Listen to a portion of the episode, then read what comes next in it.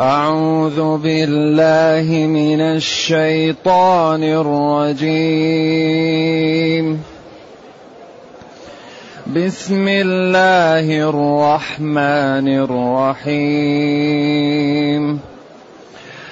تبارك الذي بيده الملك وهو على كل شيء قدير.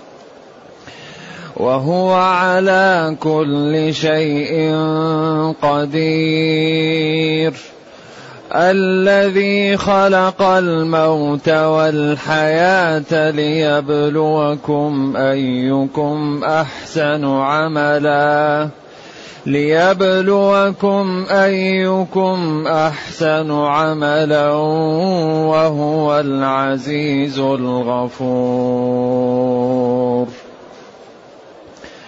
الذي خلق سبع سماوات طباقا. ما ترى في خلق الرحمن من تفاوت. ما ترى في خلق الرحمن من تفاوت. فارجع البصر هل ترى من فطور. ثم ارجع البصر كرتين ينقلب إليك البصر. ينقلب إليك البصر خاسئا وهو حسير. ولقد زينا السماء الدنيا بمصابيح وجعلناها رجوما للشياطين وأعتدنا لهم عذاب السعير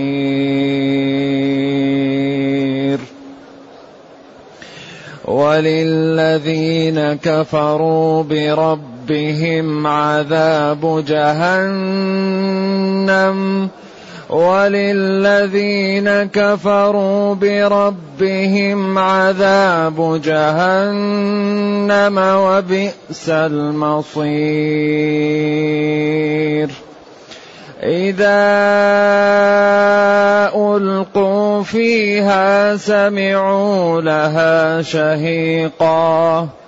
إذا ألقوا فيها سمعوا لها شهيقا وهي تفور.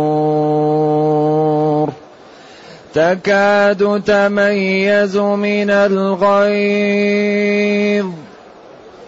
تكاد تميز من الغيظ كلما ألقي فيها فوج سألهم خزنتها سألهم خزنتها ألم يأتكم نذير قالوا بلى قد جاءنا نذير فكذبنا وقلنا ما نزل الله من شيء إن أنتم إلا في ضلال كبير.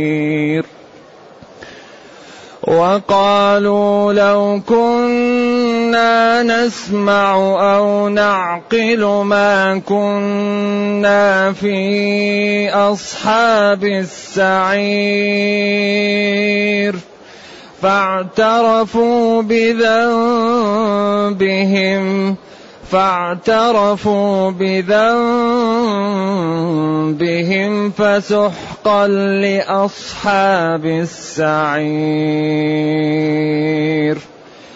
إن الذين يخشون ربهم بالغيب إن الذين يخشون ربهم بالغيب لهم مغفرة لهم مغفرة وأجر كبير. الحمد لله الذي أنزل إلينا أشمل كتاب وأرسل إلينا أفضل الرسل وجعلنا خير أمة أخرجت للناس فله الحمد وله الشكر على هذه النعم العظيمة. والآلاء الجسيمة والصلاة والسلام على خير خلق الله وعلى آله وأصحابه ومن اهتدى بهداه. أما بعد فإن هذه السورة تسمى سورة الملك وهي من السور المكية باتفاق وهي ثلاثون آية وشفعت لقارئها ودخلته الجنة كما هو وارد وتقدمت البسملة كثيرا وقلنا إن بسم الله الرحمن الرحيم أن أبتدئ قراءتي بتسمية المعبود بحق الذي شملت رحمته جميع الخلق وخص المؤمنين برحمة خاصة. وأن هذا بسملة. وهل هي آية من الفاتحة؟ أو آية مستقلة؟ أو ليست من القرآن؟ أقوال للعلماء أحسن ما يقال إن في بعض القراءات تكون من القرآن وفي بعض القراءات تكون ليست من القرآن والخلاف بين الفقهاء فيها راجع إلى القراء. خلاف الفقهاء في البسملة راجع إلى القراء. ولذلك الشافعي رحمة الله علينا وعليه وعلى جميع الأئمة يقرأ بقراءة ابن كثير. فلذلك هو يجهر بالبسملة. وبقي الأئمة لأنهم يقرؤون بقراءات أخرى كنافع. في في, في المدينة. قراءة نافع يقرأ بها مالك في المدينة. والكوفيون في أحمد و كأحمد وأبي حنيفة يسرون بالبسملة. أما مالك فلا يبسمل أصلا في الفريضة. وكل من الأقوال صحيح وله أدلة. نعم فأي واحد يأخذ بقول له أدلة. نعم. لكن قد يحتاط الواحد يأخذ بالقول الأحوط لكن كل الأقوال لها أدلة و وصحيحة. يقول جل وعلا تبارك الذي بيده الملك. تبارك. سبق أن قلنا أن هذا الكتاب جاء باختصار يبين ثلاث نقاط وهذه النقاط تتكرر في القرآن. أول شيء الله معبود بحق. ثاني شيء محمد صلى الله عليه وسلم مرسل من عند الله. ثالث شيء أوعد المصدق المكذب به النار ووعد المصدق به الجنة. هذه الجمل الثلاثة تتخذ مئات الأشكال في القرآن. لذلك أحيانا يأتي الدلالة على هذا بجمال الأسلوب أحيانا بجمال القصص أحيانا بجمال الأحكام وعدالتها وحسنها. أحيانا ب لكن هذا هو اللي يدور عليه القرآن. لذلك أكثر شيء في القرآن الله. وأول أمر في المصحف اعبدوا ربكم. وأول نهي في المصحف فلا تجعلوا لله أندادا. وبين هذين الإنشائين أعني الأمر والنهي البراهين الدالة على قدرة الله. اعبدوا ربكم. من هو ربنا الذي نعبد؟ خلقكم. وخلق آباءكم. وخلق السماء. وخلق الأرض. وأنزل المطر من السماء. فأخرج به إيش؟ من الأرض ثمرات. فأخرج به من الثمرات رزقا لكم. ثم جاء بأول نهي. فلا تجعلوا لله أندادا. وهذا وهذان الإنشاءان هما معنى لا إله إلا الله مفرقة بأدلتها. ثم جاء بعده برهان محمد رسول الله عن طريق الإقناع والإنصاف وعن طريق مخاطبة العقول النيرة والأحاسيس الجياشة. فقال جل وعلا وإن كنتم في ريب مما نزلنا على عبدنا ما قال فقد كفرت. إذا هذا الدين موضوع في قوالب لا تقبل إلا التسليم والمكابرة. ديننا مبني على أسس قوتها وجمالها وإعجازها وحسنها لا يعلمه إلا الله. بس ينبغي أن نعطيه الوقت وأن نقرأه وأن نتدبره وأن نصحب هذا الكتاب ونتأمله ونتدبره. يقول تعالى تبارك الذي بيده الملك. تبارك. تبارك تعاظم وتقدس وتعالى. الذي بيده الملك. يعني بعض تصاريف هذا الفعل لم يستعمل.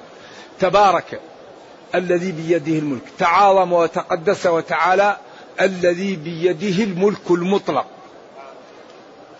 الملك المطلق لله. أما أهل الدنيا ملكهم محدود وزائل ويتعلق بجانب. أما الله فملكه مطلق وعام. ولذلك قل اللهم مالك الملك هو مالك الملك. لذلك يؤتي الملك من يشاء ويعز من يشاء ويذل من يشاء. بيده الملك المطلق. ومن هذه صفته؟ هل يحسن بالعبد أن يعصيه؟ الذي بيده الملك. بعدين وهو على كل شيء قدير. على كل ما أراده قدير. ولا يحتاج إلا أن يقول كن فيكون. أليس من الجنون أن يعصى من هذه صفاته؟ وهو على كل شيء أراده قدير. يذل ويعز ويغني ويفقر ويحيي ويميت ويصح ويمرض.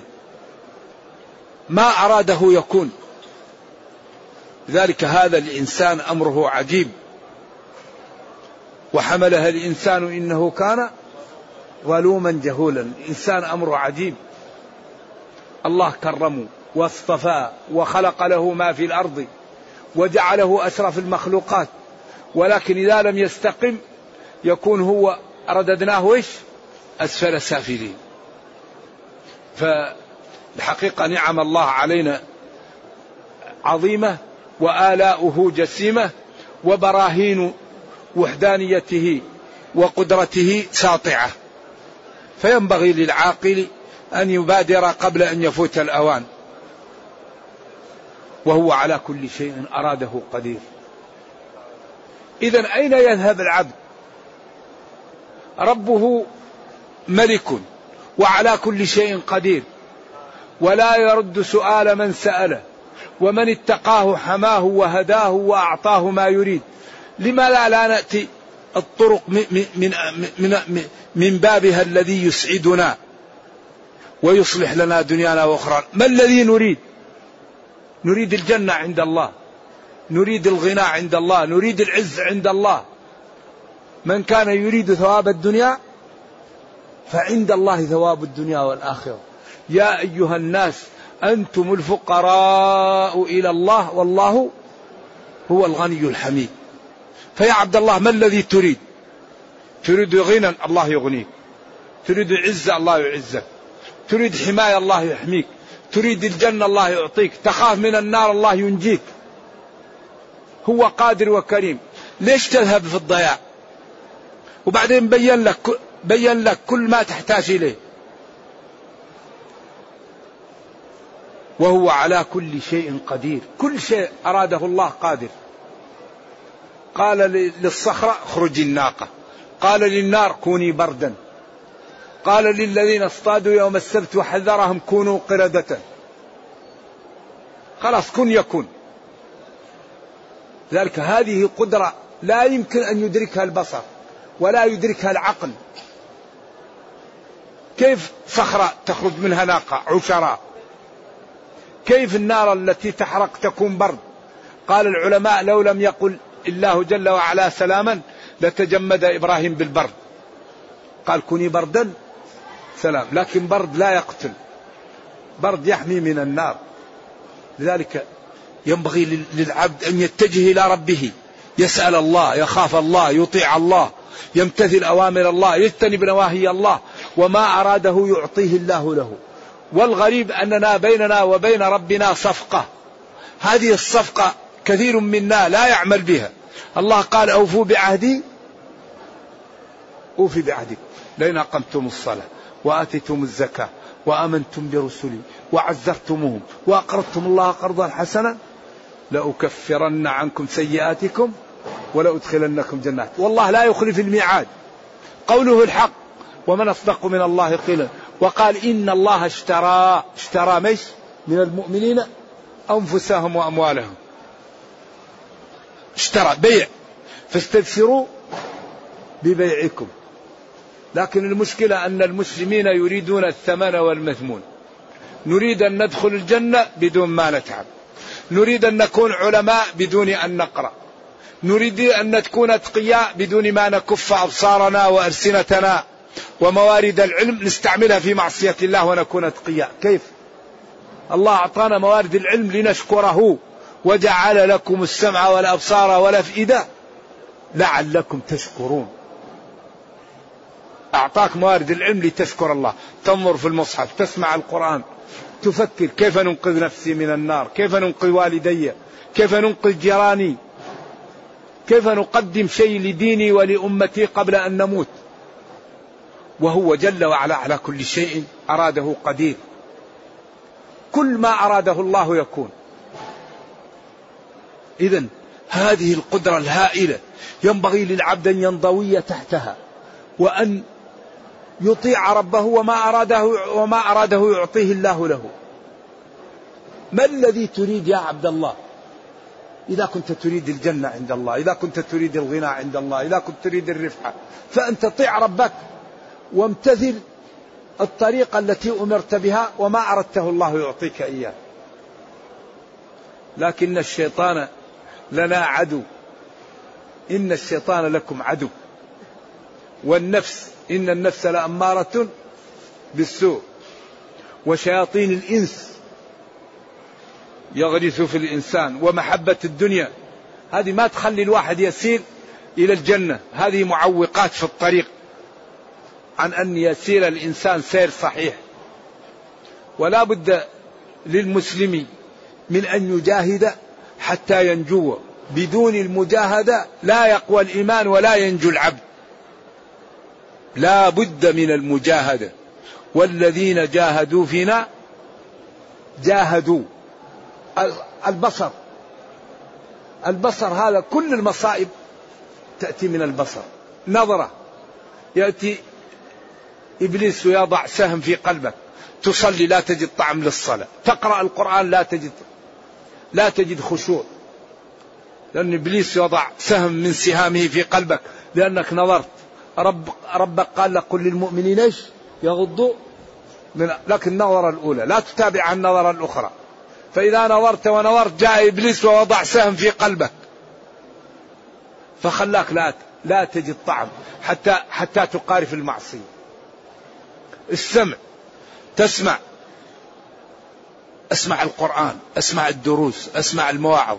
لا تسمع الحرام لا تسمع شيء لا يجوز سماعه. لا تتسمع لناس وهم كارهون. تفكر كيف ننجو من النار؟ لا تفكر في الحرام. لا تفكر في الظلم لا تفكر في الغش.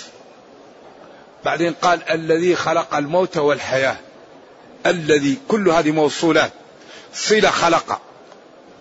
والخلق هذا أكبر قدرة الخلق أكبر قدرة في الكون الخلق. لذلك هذا العالم على كثرته وتنوعه وتطوره لا يمكن أن يخلقوا ذبابة. أكبر دلالة على القدرة الخلق. خلق الموت والحياة. والموت هي أشد حادهم مما يمر على الجبلة. وقدمها لأنها أسبق ولأنها واقع على الجميع.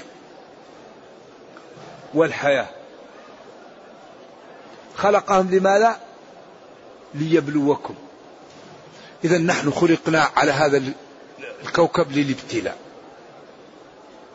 خلقنا ليبتلينا. كما قال فمنهم شقي وسعيد. ولذلك وما خلقت الجن والإنس إلا ليعبدون. هذا عام مقصود به الخصوص أو في الكلام مقتضى. ما خلقت الجن والإنس إلا ليعبدوني منهم من قدرت له السعادة. فيكون عام مقصود به الذين سبقت لهم من الله الحسنى. أو يكون في الكلام مقتضى محذوف. وما خلقت الجن والإنس إلا لآمرهم وأنهاهم فيعبدوني من قدرت له السعادة. تكون هنا الإرادة شرعية. ما خلقت الجن والإنس إلا لطالبهم بالعبادة كما قال إلا لأبتليهم. فأطالبهم بالعبادة فيعبدني من قدرت له السعادة ويعصيني من قدرت عليه الشقاوة كما قال في الآية الأخرى فمنهم شقي وسعيد فالدنيا خلقت للابتلاء ولذلك ينبغي للعاقل أن ينتبه ويحاول أن ينجو بنفسه قبل أن يفوت الأوان. خلق الموت والحياة ليبلوكم أيكم أحسن. أيكم يصلي في الوقت يصوم يترك أعراض المسلمين يبر بوالديه يساعد الفقراء والأيتام يبتعد عن النجش وعن الربا وعن بيع الغرر والجهالة. يبتعد عن أعراض الناس يبتعد عن النميمة يبتعد عن سفاس الأمور يبتعد عن ضياع الوقت فيما لا ينفعه. أيكم أحسن عملا خلق الموت ليبلوكم. ابتلاء أحسن عمل. و فالذي هو أحسن عمل ينال المنازل والذي هو أسوأ عمل ينال الدركات. وكل القرآن قائم على هذا. وهذا يتكرر يتكرر. ويأتي بأدلة ويأتي بأساليب حتى يظهر ذلك للناس فينجو كل واحد بنفسه. والذي لم يتنبأ يندم في وقت لا ينفع الندم لأنه القيامة دائمة ولا عمل فيها. حساب ولا عمل. والدنيا زائلة وعمل ولا حساب. فأنت إذا لم تزرع في الدنيا ما الآخرة ما فيها زرع. الآخرة فيها حصاد. في الآخرة تحصد عملك. فلذلك إذا لم يتنبه الواحد وبعدين الشهوات والشيطان والمحمدة والناس كل هذه معوقات فالواحد يسوي يسوف فينتهي ما عنده زاد. يندم في وقت لا ينفع الندم. أما الآن الحمد لله نقرأ هذه الآيات ونحن في الدنيا. المشكلة الآن أهل القبور أهل القبور كفت أيديهم عن العمل وشاهدوا الحقيقة. إذا جاءهم الإنسان وسلم عليهم يسمعون عند بعض العلماء وعند بعضهم لا يسمعون وكل واحد منهم مفتوحة له نافذة على عمله. يتمنى يعود لي لا إله إلا الله. يتمنى يعود لي ركعتين. يتمنى يعود لي أما نحن الآن في الدنيا. إذا تبنا تاب الله علينا وإذا عملنا شيء الله يعطينا كوم على العمل القليل. فينبغي أن ننجو بين أنفسنا. ليبلوكم أيكم أحسن عملا. إذا خلق الموت والحياة للابتلاء. كما قال في سورة هود وقال في سورة الملك وقال في سورة أيضا هود. قال ولا يزالون مختلفين إلا من رحم ربك ولذلك خلقهم. خلقهم للرحمة وللاختلاف. كما قال فمنهم شقي وسعيد. وهو على كل شيء وهو العزيز الغفور. العزيز الغالب. كثير المغفرة لذنوب عباده. وفي هذا المحل الذي فيه الموت والحياة وفيه فتح باب للمغفرة لمن أراد أن يتوب. ثم دلل على قدرته بخلق أكبر الأجرام الذي خلق السماوات والأرض. الذي خلق سبع سماوات طباقا. ولذلك كل ما هدد أو رغب أو شرع أو أمر أو نهى لا بد أن يدلل على ذلك بقدرته. ومن أكبر الأدلة على قدرة الله هو الخلق. أكبر دلالة على القدرة هو الخلق. لذلك الذي خلق سبع سماوات. تقدم أن قلنا إن السماء في اللغة هي كل ما علاك. وقد يسمى كل مرتفع سماء وإنما الفضل حيث الشمس والقمر. وقال تعالى فليمدد بسبب إلى السقف إلى السماء السقف. فلينظر هل يذهبن كيده ما يغيظ؟ إذا قتل نفسه. هل يضر هذا؟ فالنبي صلى الله عليه وسلم لازم ينصره الله. من كان يظن أن لن ينصره الله في الدنيا والآخرة فليمت غما. فإن الله ناصر نبيه. على أصح التفاسير. والسماوات سبع. وكل سماء بينها مع سماء مسافة خمسمائة سنة. وسمك السماء خمسمائة سنة. وبعدين العلم الحديث لا يؤمن بالسماوات. لأنه مبني على ظاهر الحياة الدنيا وكل المراصد والمراكب لم تكتشف السماء. فمنهم من يقول لم نراه ومنهم من ينفيه. والله قال وبنينا فوقكم سبعا شدادا. ومن أصدق من الله قيلا. وحديث الإسراء أن جبريل يدق الباب ويفتح ويقول من جبريل ومن معه محمد؟ صلى الله عليه وسلم يقول أرسل إليه. سماء الدنيا الثانية الثالثة الرابعة الخامسة السادسة السابعة. وكل فيها بعض من الملائكة وفيها بعض من الرسل. وهذه أمور غيبية نحن نؤمن بها لأنه أخبرنا بها في أحاديث صحيحة. لكن هذه المراصد وهذه المراكب وهذا العلم الحديث لا يؤمن إلا بما يرى. ولذلك قال ألف لام ميم غلبت الروم إلى أن قال يعلمون ظاهرا من الحياة الدنيا. أما نحن المسلمين فربنا قال هدى للمتقين الذين يؤمنون بالغيب. نحن نؤمن بالغيب وهم يعلمون ظاهرا من الحياة الدنيا. إذا خلق سبع سماوات طباق فوق بعض. ما ترى أيها الناظر في خلق الرحمن من تفاوت؟ يعني ندوب أو ضعف أو تغير أو اختلاف. الذي أتقن كل شيء خلقه خلق الله متقن. هذا خلق الله. فأروني ماذا خلق الذين من دونه انظر إلى الآن البشر. كل واحد عينه في محل الثاني والأنف والجبهة والفم وما في واحد يشبه الآخر. الخالق. ما في هذا لا يمكن الآن المكاين ما يمكن يعرفوها إلا بالأرقام. إذا صبوها إذا لم يجد الأرقام لا يمكن يميزوا بينها. الله كل واحد يصب صوره على صورة المصور. كل واحد يختلف عن الثاني. إذا ما ترى في خلق الرحمن من تفاوت؟ تغاير. اختلاف هذا جيد هذا ما غير جيد. كله متقن. فارجع البصر هل ترى من شقوق في السماء؟ ثم ارجع البصر كرتين أي مرة بعد مرة بعد مرة بعد مرة. زي لبيك أي مرات عديدة. ارجع البصر كثير ينقلب يرجع إليك البصر خاسي. يعني عاجز ذليل ضعيف كليل متعب ولم يجد ما يريد من النقص. ولا من التفاوت ولا من العيب في خلق الله. والدليل على ذلك أنه هو الذي خلقكم فينبغي أن تطيعوه وتشكروه ولا تعصوا. النتيجة بادروا بالطاعة والتوبة وابتعدوا عن المعصية وعن الكفر. هذا هو النتيجة. وهو حسير كليل عاجز مغلوب لا يستطيع أن يجد شيء. ثم قال ولقد زينا السماء الدنيا بزينة الكواكب وبزينة الكواكب بمصابيح. ولقد زينا السماء الدنيا بمصابيح. والله لقد زينا السماء الدنيا بمصابيح. جمع مصباح والمصباح المقصود به هذه النجوم التي تضيء. وجعلناها رجوما للشياطين.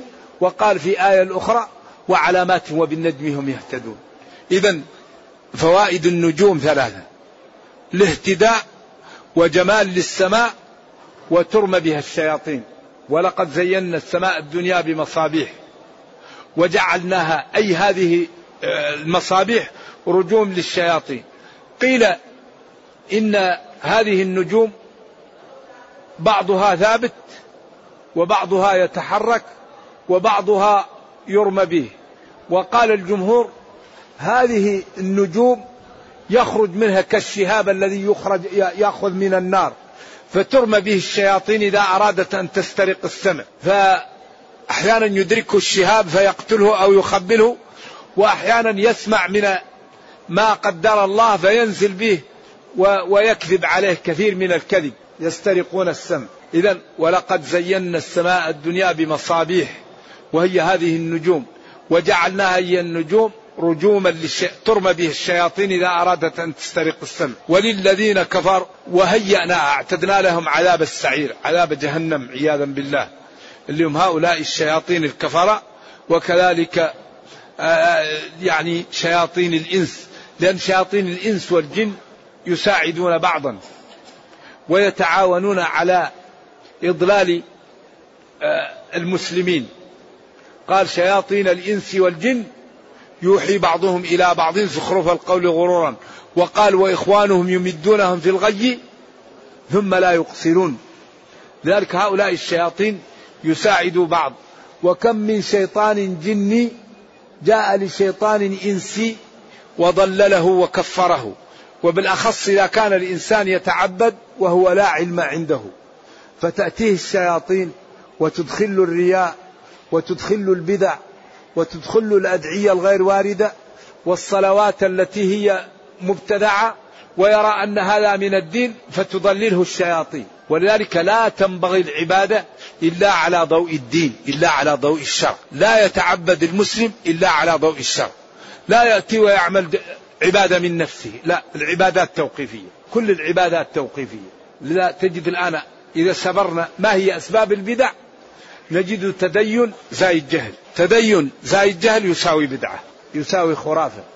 ولذا أهم شيء للمسلم أن لا يعمل عمل إلا بعد أن يعلم حكم الله فيه. فلذلك الشيطان جاء لقريش وقال لهم سلوا محمدا عن الشاة تصبح ميتة من الذي قتلها؟ قال لهم الله قتلها. قال لهم ما ذبحه الله؟ تقولون حرام. وما ذبحتموه تقولون حلال. أنتم أحسن من الله؟ فأنزل الله ولا تأكلوا مما لم يذكر اسم الله عليه. وإن زعموا أن هذا بيحة الله. وإن الشياطين ليوحون إلى أوليائهم ليجادلوكم بقولهم ما ذبحتموه حلال وما ذبحه الله حرام.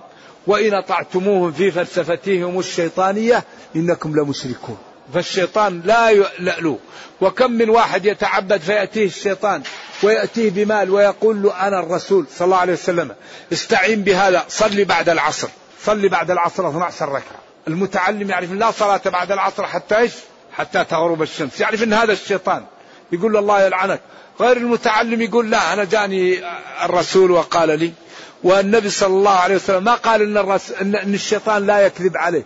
قال إنه لا يتمثل به. من رآني فقد رآني لأن الشيطان ممنوع عليه أن يتمثل بصورة النبي صلى الله عليه وسلم.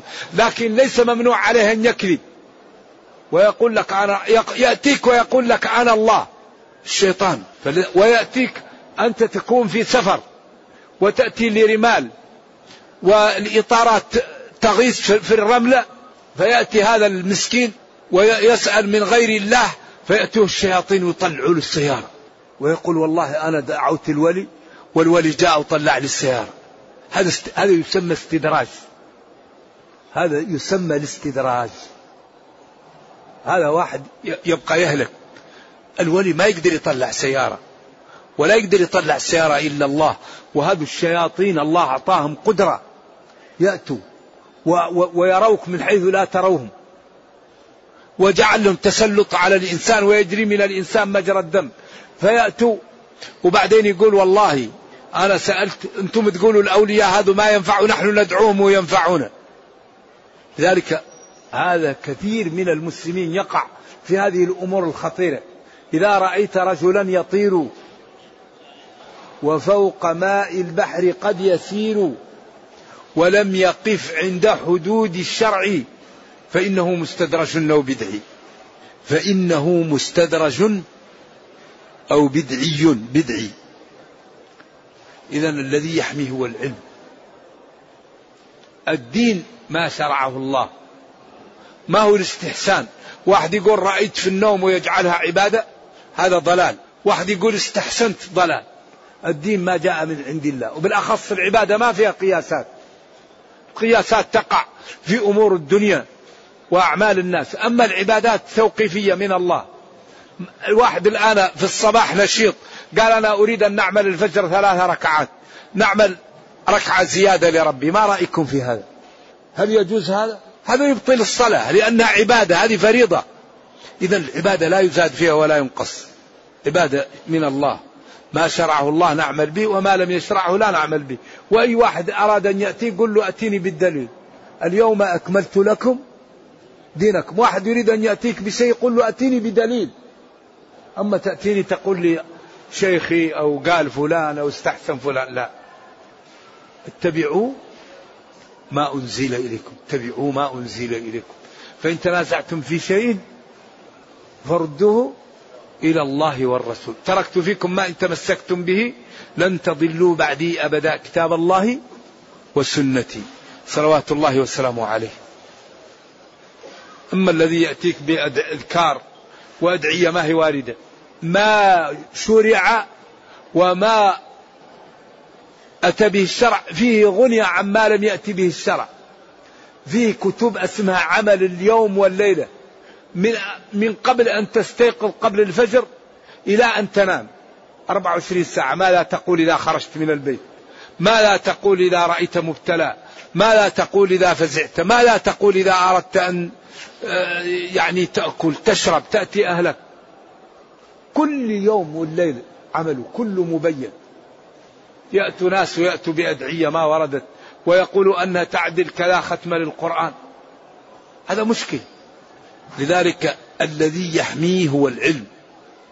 وللذين كفروا بربهم عذاب جهنم وبئس المصير.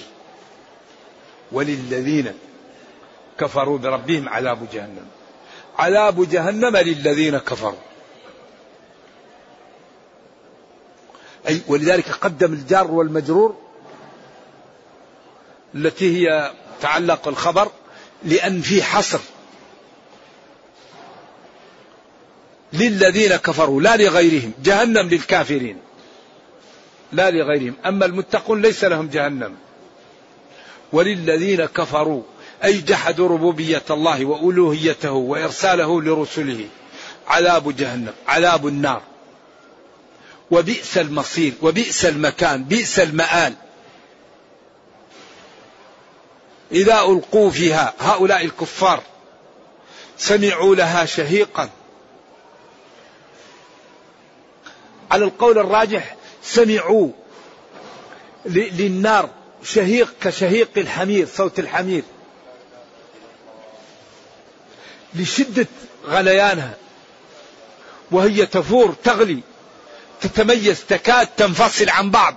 لشدة الحرارة والغيظ على أهل النار من الغيظ. هل ذلك حقيق؟ أو لشدة هولها على الناس. أو هو توسع في العبارة أقوال للعلماء. كلما ألقي فيها فوج كلما ألقيت فيها شريحة من أهل النار. الزنا المرابون النمامون. طبعا كافر وينمم كافر ويزني كافر ويرابي. أصناف الكفار يعني كل صنف وكل شريحة مع بعض. فوج شرائح. سألهم سأل أهل النار يعني المرمون فيها خزنتها الملائكة. ألم يأتكم نذير؟ ما جاءتكم رسل؟ أجاءتكم رسل على سبيل التبكيت والتقريع وأعوذ بالله لهانا. ألم يأتكم نذير؟ قال أهل النار أعاذنا الله وإياكم منها. بلى. قالوا نعم بلى. وبعدين هنا محل إضمار أظهر لخطورة الموقف. قالوا بلى قد جاءنا نذير فكذبنا. قالوا يكفي قالوا بلى جاءتنا لأنه قال لم يأتيكم نذير تقدم. فالأسلوب أن يقول بلى جاءتنا لكن هنا هذا دخول النار. قالوا بلى قد جاءنا نذير فكذبنا وقلنا ما نزل الله من شيء. إذا هم الذين أوبقوا أنفسهم بتكذيب الرسل وعدم قبول دين الله والكفر به. عند ذلك قال أهل النار لو كنا نسمع أو نعقل قال لهم أهل إن أنتم ما أنتم إلا في ضلال كبير. إن نافية. أنتم في ضلال كبير لأن استثناء هنا مفرط إن أنتم إلا في ضلال كبير أنتم في ضلال كبير. وأن يفر سابق إلا لما بعد يكون كما لو إلا عدم. إن أنتم إلا في ضلال كبير وقالوا هؤلاء أهل النار لو كنا نسمع أو نعقل نسمع ما خوفتنا منه الرسل وجاءتنا به أو نعقل خطورة هذا الموقف ونستعمل موارد العلم له ما كنا في أصحاب السعير. نسمع لهؤلاء الرسل ونعقل ما جاءتنا به. ما كنا في هذا المكان. فاعترفوا بذنبهم. بعد أن فات الأوان فسحقا. واد في جهنم أو بعدا أو هلاكا لأصحاب السعير. ثم بين الشريحة الأخرى وهذه عادة القرآن. إن الذين يخشون ربهم بالغيب إن توكيد. الذين يخشون الذين موصول يخشون صلة الموصول. يخشون يخافون ربهم. بالغيب فيها للعلماء قولان. يخشون ربهم فيما غاب عنهم من أمور الدين. النار ما رأوها يخافوا منها. الجنة ما رأوها يطلبونها. وقيل يخشون ربهم يخافون ربهم في حال غيبهم عن الناس إذا ابتعدوا عن الناس اجتهدوا في الدعاء. وهذا هنا أقوى. كما قال يعني التقي إذا غاب عن الناس يخشى الله ويدعوه ويجتهد. غير التقي إذا كان أمام الناس يتظاهر بالخشوع وإذا ذهب. الحال وأعوذ بالله لا يذكر الله. المنافق لا يذكر الله ولا يصلي إلا أمام الناس. أما التقي إذا غاب عن الناس يجتهد في الدعاء والتوبة والاستغفار. لأنه ما عنده الناس يفرح بالعبادة لأن هذا بينه وبين الله. ما يقدر الشيطان يقول أنت في, في تصلي حالك لأجل الناس تستغفر لأجل الناس. لكن قد الإنسان اللي إيمانه غير قوي يقول له لا أنت تستغفر عشان الناس. الإنسان إيمانه غير ضعيف يضحك عليه الشيطان. لكن إذا قوي إيمان الإنسان ما يقدر الشيطان يقول لك أنت تصلي عشان الناس. لكن الإنسان اللي ما هو قوي يقول له لا أنت تصلي عشان الناس. أنت تستغفر عشان الناس. لكن إذا صلى الحال ما يقدر يقول له أنت تصلي عشان الناس. فلذلك يخشون ربهم بالغيب. يعني عندهم إخلاص يغابوا عن الناس. خافوا الله ورجعوا واستغفروا وأطاعوا ربهم في غيبهم عن الناس وخافوه. لهم مغفرة لهم مغفرة وأجر كبير. مغفرة من الله لذنوبهم. وأجر عظيم. به يكونون في المنازل العليا. نرجو الله جل وعلا أن يرينا الحق حقا ويرزقنا اتباعه وأن يرينا الباطل باطلا ويرزقنا اجتنابه وأن لا يجعل الأمر ملتبسا علينا فنضل. اللهم ربنا أتنا في الدنيا حسنة وفي الآخرة حسنة وقنا عذاب النار. اللهم اختم بالسعادة آجالنا واقرم بالعافية غدونا وآصالنا. واجعل إلى جنتك مصيرنا ومآلنا سبحان ربك رب العزة عما يصفون وسلام على المرسلين والحمد لله رب العالمين. وصلى الله وسلم وبارك على نبينا محمد وعلى آله وصحبه. والسلام عليكم ورحمة الله وبركاته.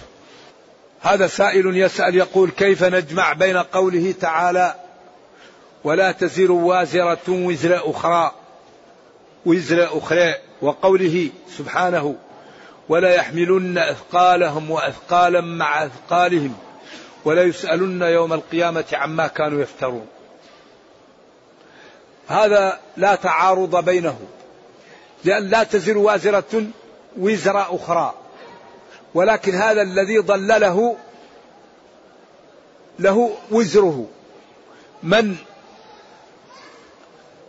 ابتدع بدعة له وزرها ووزر من عمل بها لا ينقص ذلك من أوزارهم شيء لأن هذا من عمله هو. لكن إذا كان واحد ما عمل وزر لا يؤاخذ به. لكن هذا ولا يحملن أوزارهم أثقالهم وأثقالا مع أثقالهم الذين ضلوهم الذين بدعوهم. واحد كان يدعو الله وينفر من دعاء غير الله فراح به واحد وهو جاهل قال له لا هؤلاء الأولياء لو تدعوهم ينفعك الله بدعائهم. وضل له وأدخله في دعاء غير الله. هذا يكون للذي دعا له وزر والذي دعاه له وزر ولا ينقص ذلك من وزر الثاني شيء. كما أن من سن سنة حسنة فله أجرها وأجر من عمل بها لا ينقص ذلك من حسناتهم شيئا. هذا هو المقصود. إذا لا تعارض بين الآيتين لأن هذا وزره تحمله لأنه ضلل ذلك فله وزر ضلاله له.